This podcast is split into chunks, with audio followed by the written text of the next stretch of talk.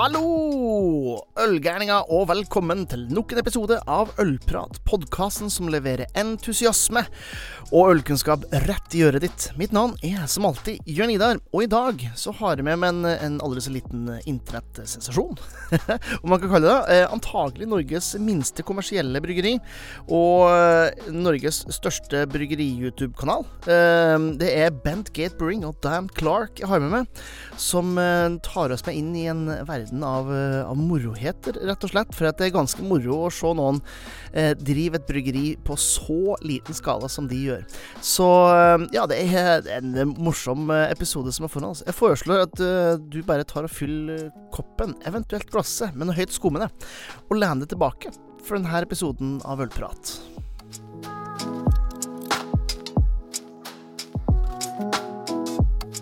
It's my great pleasure to welcome to uh, Dan Clark of Bentgate Brewing. Welcome to the podcast, Dan.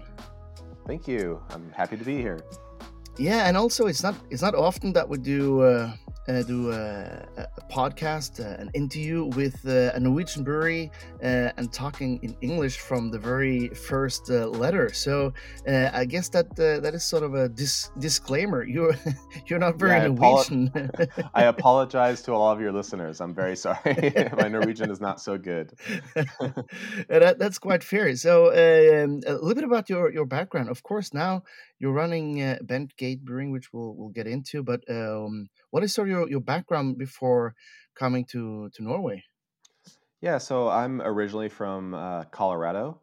Also, um, the co-owner of Bentgate is also from Colorado. So it's kind of funny. We both had a mutual friend in Colorado that's like, "Hey, you guys do the same shit. You should be friends." So Mm. then we then we uh, met each other. So uh, I'm from Colorado. I'm uh, I moved here for work. So my actual day job is not Bent Gate Brewing. It is actually uh, I'm a technology director and scientist for a membrane company, a hydrogen membrane company in Oslo.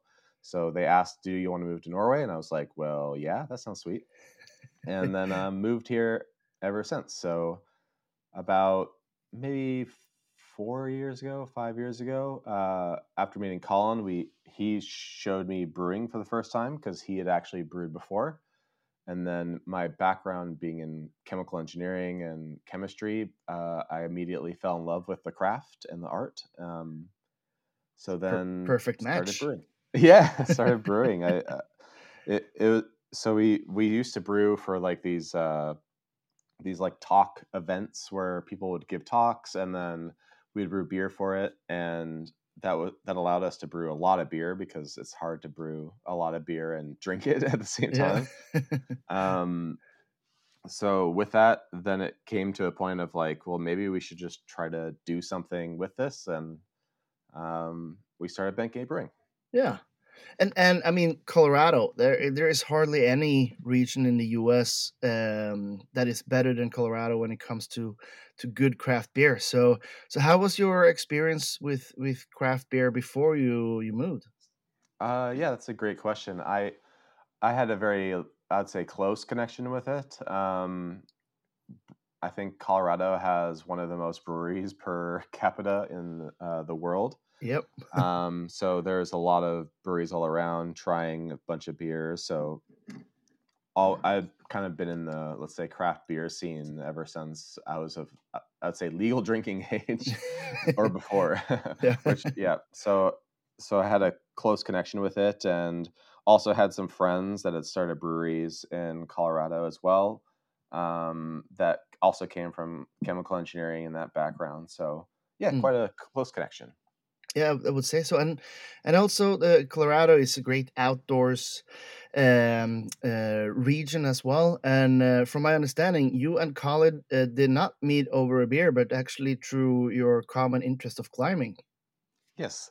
Yeah. So our our first let's call it mandate Yeah. was uh, was uh, actually going to a climbing gym and climbing. Um, so we we do like climbing and skiing and those things together. So we both come from kind of a uh, outdoorsy, we'll say, background. Mm. And yeah, that's one of the big uh, commonalities between us, and it's also kind of spurred us into naming the brewery off of uh, Bent Gate, kind of being an outdoorsy, uh, like-minded uh, approach. Mm.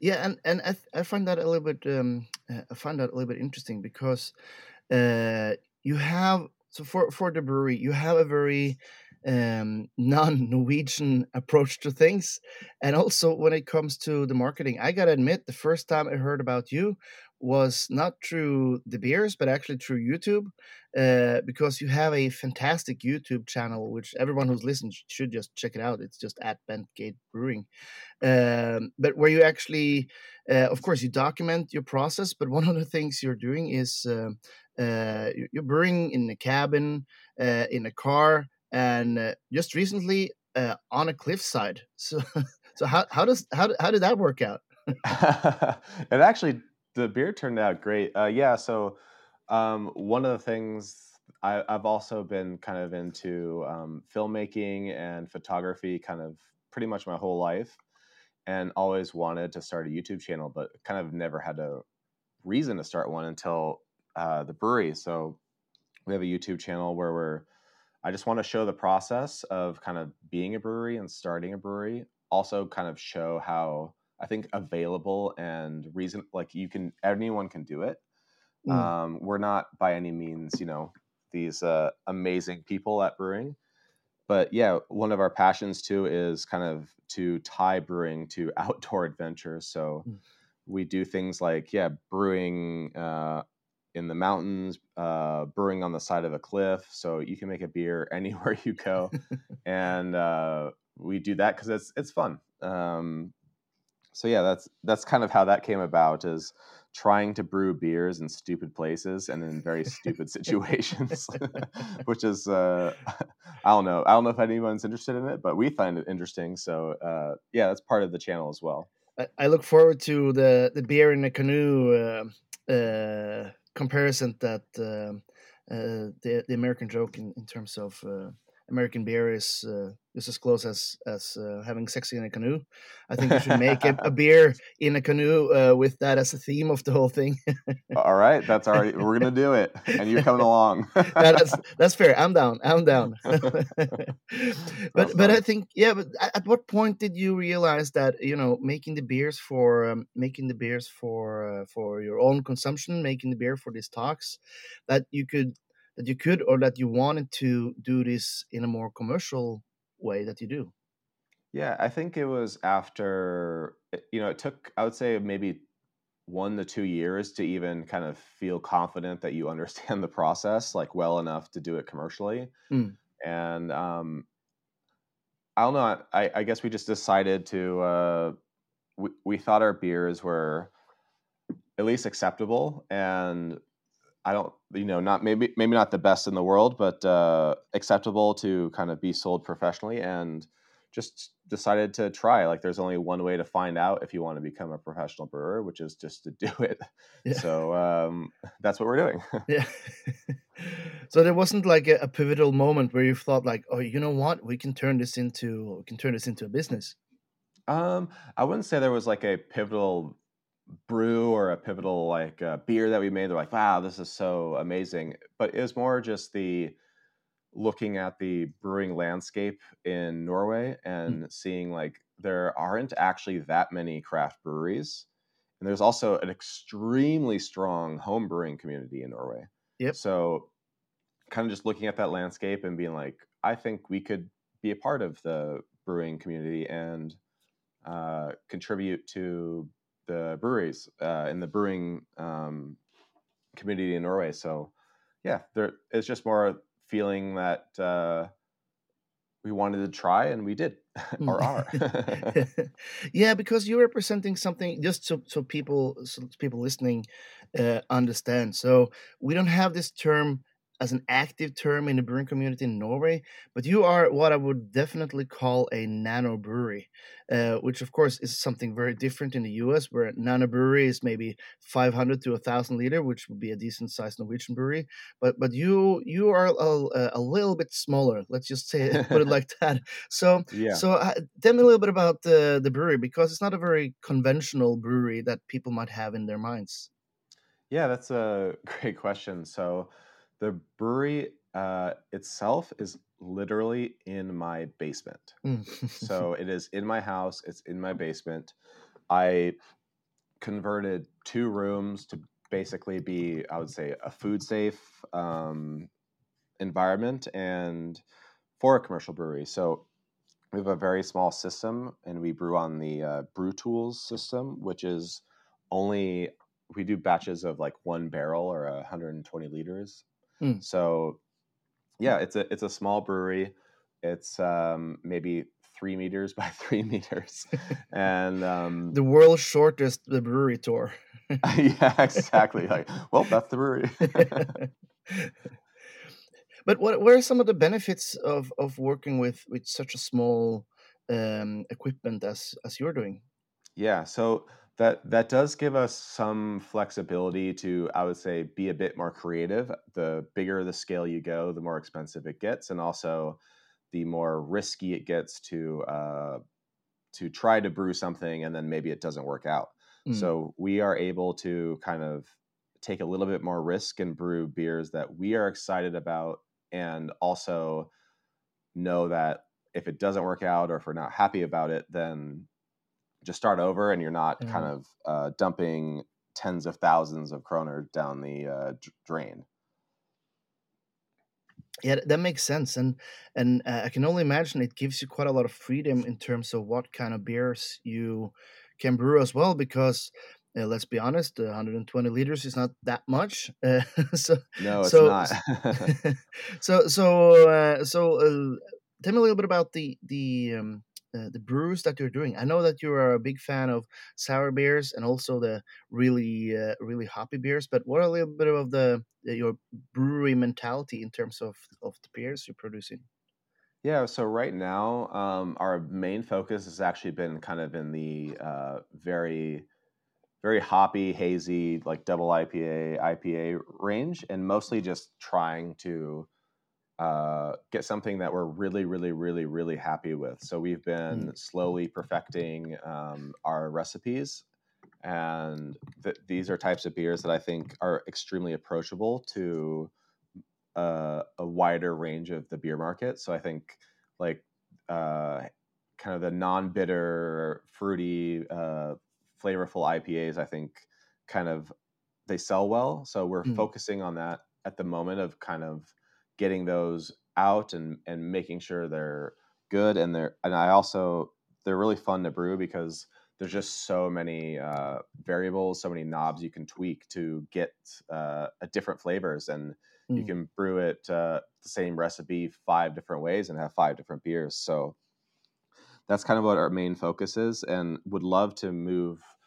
Yeah, passion being more into sour beers, but the the only thing problem with sour beers is kind of to do proper sour beers, you need uh, a lot of time and yeah. space.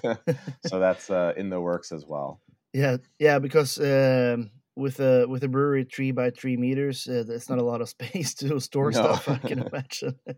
yeah, yeah. So we there's probably some some space around to put like a, a barrel or like do like a, some sort of solera where you're you know constantly have like a sour base, mm. but um otherwise we've been flirting with sours using like sour yeasts and those yeah. sort of things yeah how how much of a of benefit do you think it is with your your background and professional work in the in the work in the brewery um i think my professional background being chemical engineering has helped me a lot um feel like understanding what knobs you can pull um to change the flavor of beer mm. uh, but what I so I think it helps a bit, but really beer brewing and like the amazing beer brewers, it's so much there there is chemistry and that gets you only so far because it's a lot of art, it's a lot of um, understanding your actual own brew system. So mm. like if I, I we have our recipes on all of our cans,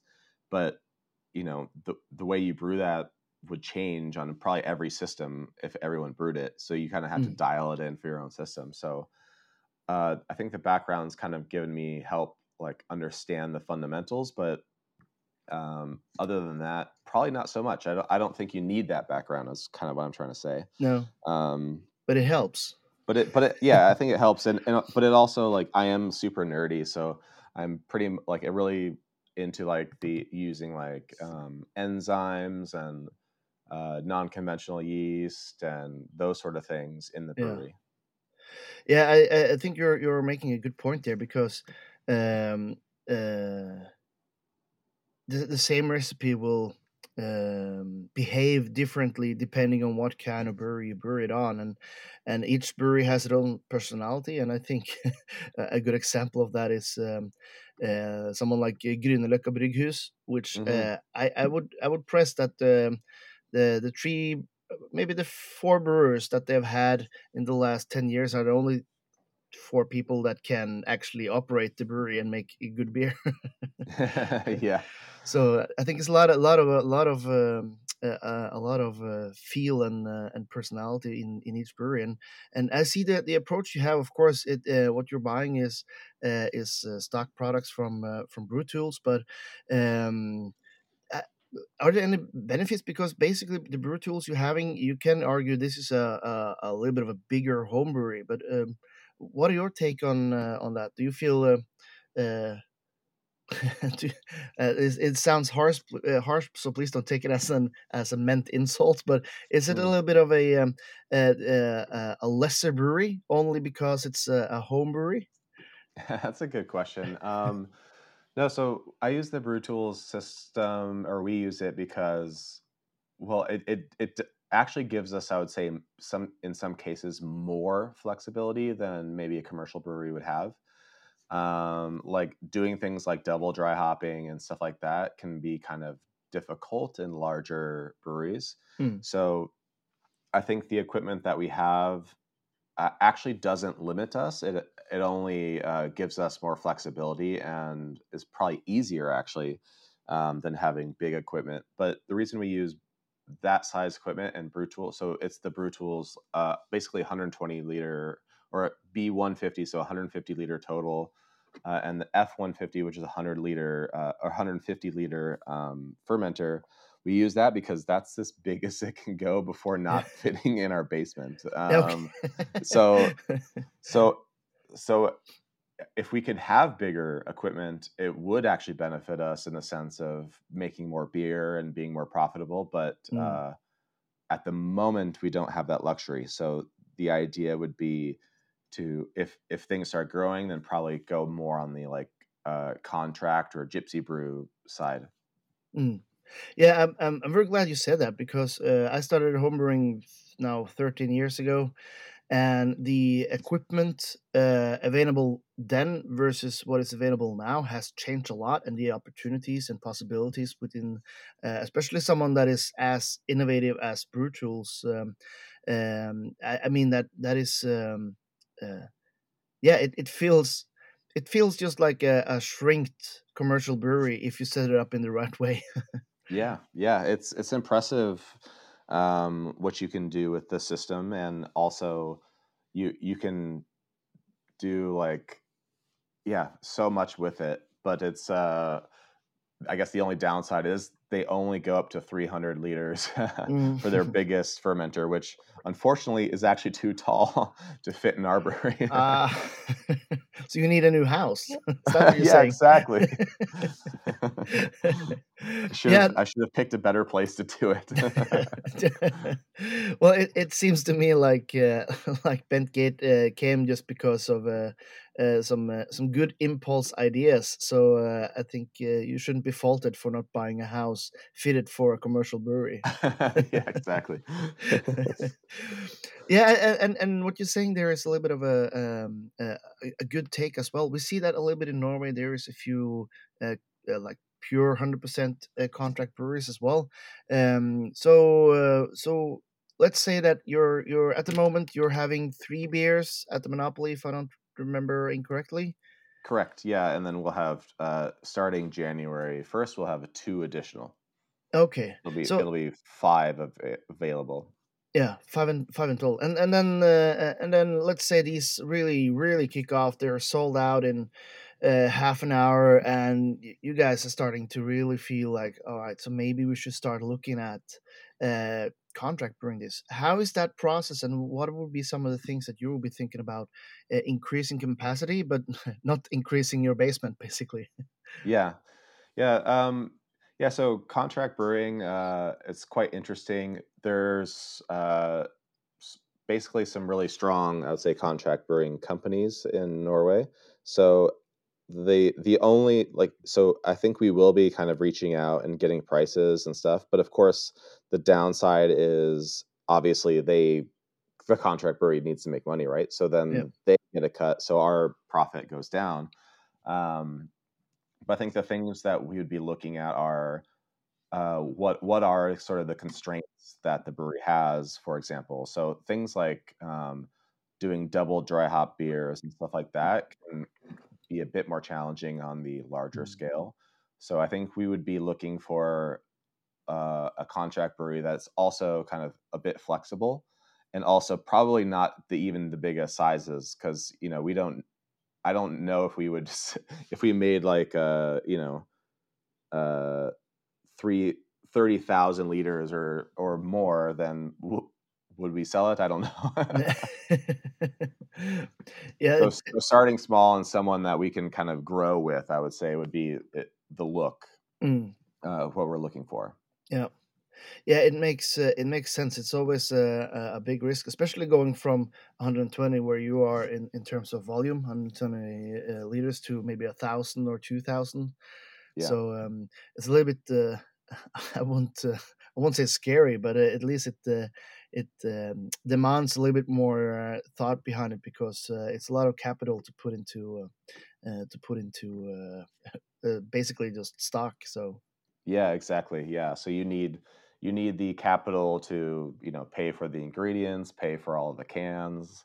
Also, you have to pay the taxes up front of when you produce the beer so you kind of just have to uh, yeah put in that capital and uh, hope that it gets sold yeah yeah and and um, uh, like you mentioned uh, well I, I, actually wanted to revert back a little bit to to um, to uh, the homebrewing community as you mentioned a little bit but but also the way you're you're building uh, the community so um, just looking now through your your youtube channel um, you got 2,000 um, uh, subscribers. Um, in my opinion, really good content. So I'll give you a compliment on that because uh, uh, I've been doing YouTube uh, myself, and uh, I find it hard to have like a good um, storyline, so to speak. But I think you're you're doing that very well. Um, but with these uh, thousands and thousands of views that you have, um, what are some of the, the, the, benefits, so to speak? What, what are some of the things that you see in building a community um, in the way that you're, you're doing? Yeah, I, I think actually one of the biggest benefits is that we learn from the community. So people will kind of comment on videos and stuff like that of like, hey, have you tried this? Have you tried this? So I think one of the benefits of kind of sharing our experience uh, in brewing um, as legally as we can do it yeah. um, in Norway, it has been l- basically also learning from the community and getting input. And we've learned a lot, and especially like on we do occasionally live streams of brews, so you can just hang out with us while we're brewing a beer. And in those streams, uh, you know, people will say, uh, "Have you tried this?" or like, "Why are you doing it that way?" And like, that's really help us gr- grow and like oh that's a good point and stuff like that so i think the biggest benefit in my opinion is actually just uh, kind of learning from the community and everyone being so nice and wanting to help and mm. Yeah it's been really fun and also i can imagine that it creates a little bit of a more personal bond for a lot of these people you know uh, tuning in and uh, and seeing your brew um, let's just hypothetically say an oat cream double IPA, uh, and then mm-hmm. uh, a couple of uh, of weeks later, uh, they can uh, they can go and, and purchase it in the, the monopoly. I I can imagine that you're getting a lot of personal relationships in a in a unique way as well. Yeah, yeah, absolutely. I mean, uh, like we we of course when we're brewing never specifically talk about what we're brewing um, in the sense that you know it's not I don't think it's legal to kind of say like, hey, you could buy this soon. But yep. um, so we kind of generically brew, I'll say. but uh, yeah, it's if if people are in Norway, then they do have sort of the opportunity to uh, check out what we're doing and things like that. Because when we do these brewery these brewing uh, sessions, they are for the commercial brewing. So Mm. Eventually they become a commercial product. Down the line. yep. and that's all I have to. That's all I can say about that. yeah, that, yeah, get it. I get it. so, so then I'm I'm curious. Yeah, we, we have talked a little, little bit about it. Maybe looking into contract brewing. Um, of course, I, I can only imagine continuing doing the YouTube channel now that you're of course going to make a canoe beer. Uh, uh, but but what are a little bit of the the future uh, for for Bentgate? Um, uh, look like because uh, as you said this is sort of a side hustle this is a, a, uh, a fun side project of your everyday work uh, so so what is the, the the future for bentgate brewing look like Yeah, so um, in the near future, the plan is uh, Colin and I, we're going to expand the brewery. So we only have one fermenter now. We could probably fit at least three in the space. Mm. So we would like to kind of, now that we're pretty happy with uh, kind of our base beers that we're offering, to consistently brew those because because we uh, brew such a small amount, we're basically sold out immediately Mm. um, not necessarily because it's the best beer, just it's not that much beer. um, but uh, so in the near future, it is to um, actually grow our own brewery uh, here at Bent Gate. But also, we plan on, um, yeah, doing once we uh, start building more and more capital, is to like go and do a contract brew. So Mm. it would be nice to um, kind of have more beer for one of the beers that we're very excited about. And also, um, we would like to kind of, right now, we're not using Norwegian malt just because honestly, we can't really afford it. Mm. Um, but I would also like to switch to um, kind of local Norwegian malt for everything um, as well. So those Mm. are kind of like the future plans, at least in the next like one to two years. and and continue i can assume with the the path you're down with doing a lot of uh, of um, uh, hoppy beers uh, dabbling into the sours as well and and uh, just keeping it within that that realm of space Yeah, I think I think in the near future, probably the the downside of kind of having such a small brewery and such a small system is that we don't uh, we, we don't have the ability to brew a bunch of types of beers at the same time. Mm, Um, so we kind of just have to pick a lane at the moment and just uh, do it. But when when we expand, that will kind of increase our flexibility to brew different types of beers because of course uh, you know being beer lovers we we don't only like hoppy double ipas um, but it, it is something that they're uh, that we're brewing at the moment but uh, it would be also nice to kind of expand the types of beers because basically it's like sour uh, ipas sour brown ales and then um, our uh, kind of more hoppy beers. So yeah, Mm. we'd also like to expand the types of beers we brew because I'm I'm also super into like Belgian beers and those things. And then maybe if I'm feeling lucky, I'll try to brew an actual good uh, like Czech pils or something, and which is extraordinarily difficult. Um, so yeah, kind of perfect the craft and uh, try other stuff because it's a, a lot of types of beers are actually pretty hard to brew. I think really Mm. well. So learn that as well as kind of the, in the future as well. Yeah, yeah, agreed. Uh, some of the uh, the quote unquote uh, simpler beers are some of the hardest ones to brew. That's for sure. And Yeah, Uh, absolutely. And I can see the the um, the Colorado um, uh, inspiration that you have as well, because usually when you talk about sour beers in Norway, it's usually just the fruited Berliner Weisse or Gose, and that's it. But um, introducing the IPAs and the brown ales and and some of the other styles, but made sour, I think it's um, that's still a, a realm where Norwegian breweries have um, have a lot of room to to experiment in. Yeah, yeah, absolutely. I think the the sour kind of beer stuff is pretty challenging and complex, which is kind of right up my alley of Yeah, trying to figure it out.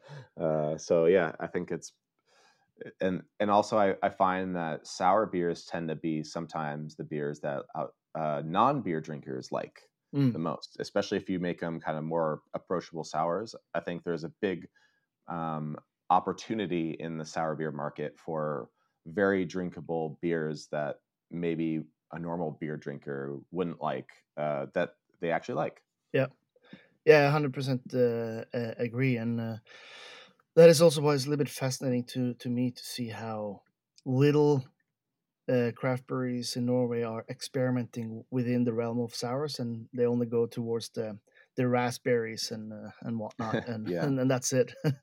Yeah, they're extraordinarily popular in the United States. So you, yep.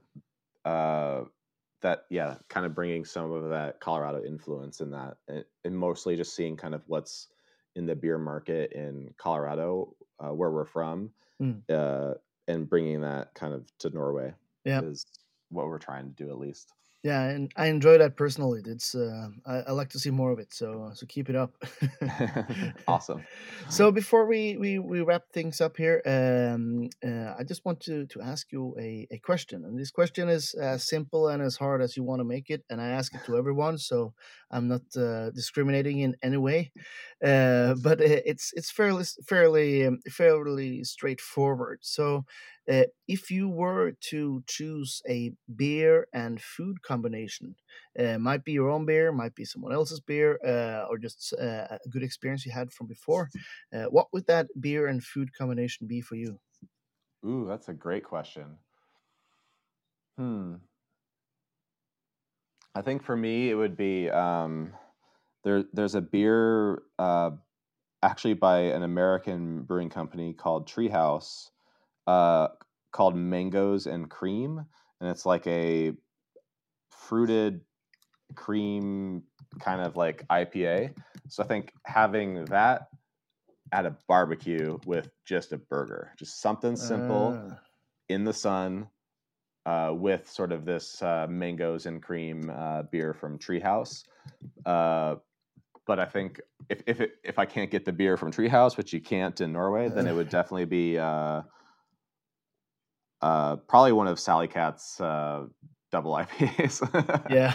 I, I'm I'm actually still like really like obsessed with uh, like double IPAs and stuff like that at the moment. So um, I think that would be my answer. Would just be like a good hoppy double IPA in the sun, just eating simple barbecue food. it it sounds uh, it sounds um, it sounds like a, a proper Colorado answer there because uh, there's there's few places in the world you can get as uh, as fresh and tasty uh, super hoppy beers as in, in Colorado. So there is no doubt that you're bringing a little bit of Colorado back to to Norway. Absolutely. All right, um, uh, Dan, I appreciate your your time. For everyone listening, make sure you, you check them out on social media. I'll put all the links in the show notes, of course. Uh, they're usually just at Bentgate Brewing in, in YouTube and Instagram and Facebook and whatnot. So definitely worth checking out. One of the uh, smallest breweries we have in Norway, but also the ones that I I have um, the most excitement to follow in in the time to come. So uh, so I just want to say uh, keep up the good uh, job, Dan, and uh, I'll I'll keep cheering from uh, from afar. ah, great. Thank you. Yeah, and, and sorry to all the listeners that it's all in English. yeah, you're not the first one, so they they should have learned by now that we like to keep it uh, multicultural here, even though it's only beer. oh yeah, yeah. Thanks for having me. I, I really appreciate it, and an honored to be uh, on the cast. Ah, you, you you do me too much credit, uh, Dan. The, the pleasure was mine. Thank you for the talk. Thank you. Takk til Dan for en eh, god ølprat, og ikke minst tusen takk til deg som hører på. Jeg regner jo med at uh, du allerede har gjort det, uh, men jeg vet jo òg at halvparten av dere som hører på, ikke abonnerer på podkasten her. Av en eller annen merkelig grunn så hører dere uke inn og uke ut uten å trykke på abonner-knappen. Jeg kan ikke skjønne det, men det er greit. Uh, altså, det er et fritt land, du kan gjøre hva du vil, men jeg hadde jo satt pris på om du kan, kan trykke abonner, og, og kanskje legge igjen en liten rating i den podkastappen du er i, eller på Spotify Spotify eller eh, hvor det måtte være hen. Rett og slett for at det hjelper med å eksponere podkasten til nye lyttere. Som alltid vil jeg bare si takk til alle patrions som er med og støtter podkasten med et par kroner i måneden, sånn at dere som hører på, faktisk kan gjøre det. For at de er med å betale serverne, blant annet. Så tusen takk til dere. Og så gjenstår det bare for meg å si takk for denne gangen. Og så får du huske til neste gang vi høres, at livet, det er alt, altfor kort for å drikke dårlig øl.